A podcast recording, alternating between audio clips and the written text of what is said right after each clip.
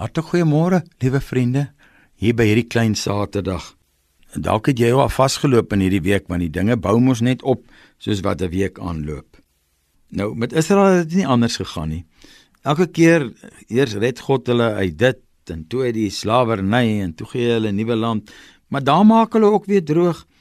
En na die intog in die beloofde land, toe was daar 'n tyd van die rigters wat aangebreek het en alles kom tot stilstand. En dan kom die Here tot hulle redding op 'n wonderlike manier, né? Hy laat 'n vroutjie swanger word wat eintlik nie moes kinders gehad het nie. 'n Vroutjie wat sê: "Ag Here, gee my net 'n kind en ek sal hierdie kind vir jou gee sodat hierdie kind tog hierdie land van ons sal kan omkeer en 'n verskil kan kan maak." Sommige in die kerk ook, Here, want daar gaan dit maar baie sleg. En dan kry sy vir Samuel. Samuel was natuurlik nou God se geskenk, nie net vir sy ma, vir sy gesin en vir die tempel nie, maar ook sommer vir die hele volk gewees. Hy skryf eintlik met sy lewe die hele geskiedenis van Israel oor. Hy tree as 'n profeet op by self konings, hy selfs 'n leerling priester.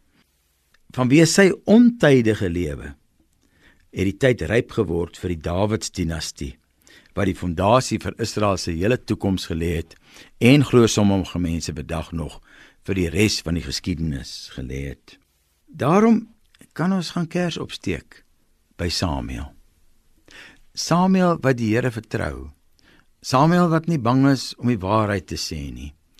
Samuel die man wat luister wat God sê. Samuel wat vir die konings hulle regterhand is. Samuel Samuel wat vir ons leer om te droom oor 'n mooier môre. En vriende, ek dink die Here wil vir oggend vir my en vir jou opwek as Samuels om te droom oor 'n mooier en 'n nuwe Suid-Afrika. Om ook daar te wees om die geskiedenis oor te skryf waar die geskiedenis 'n hele paar valsnote het. En kom ons vra vir die Here, so Samuel daai aand gevra het toe die Here hom geroep het. Ag Here, spreek tog met ons, want ons u diensknegte luister vanoggend. Amen.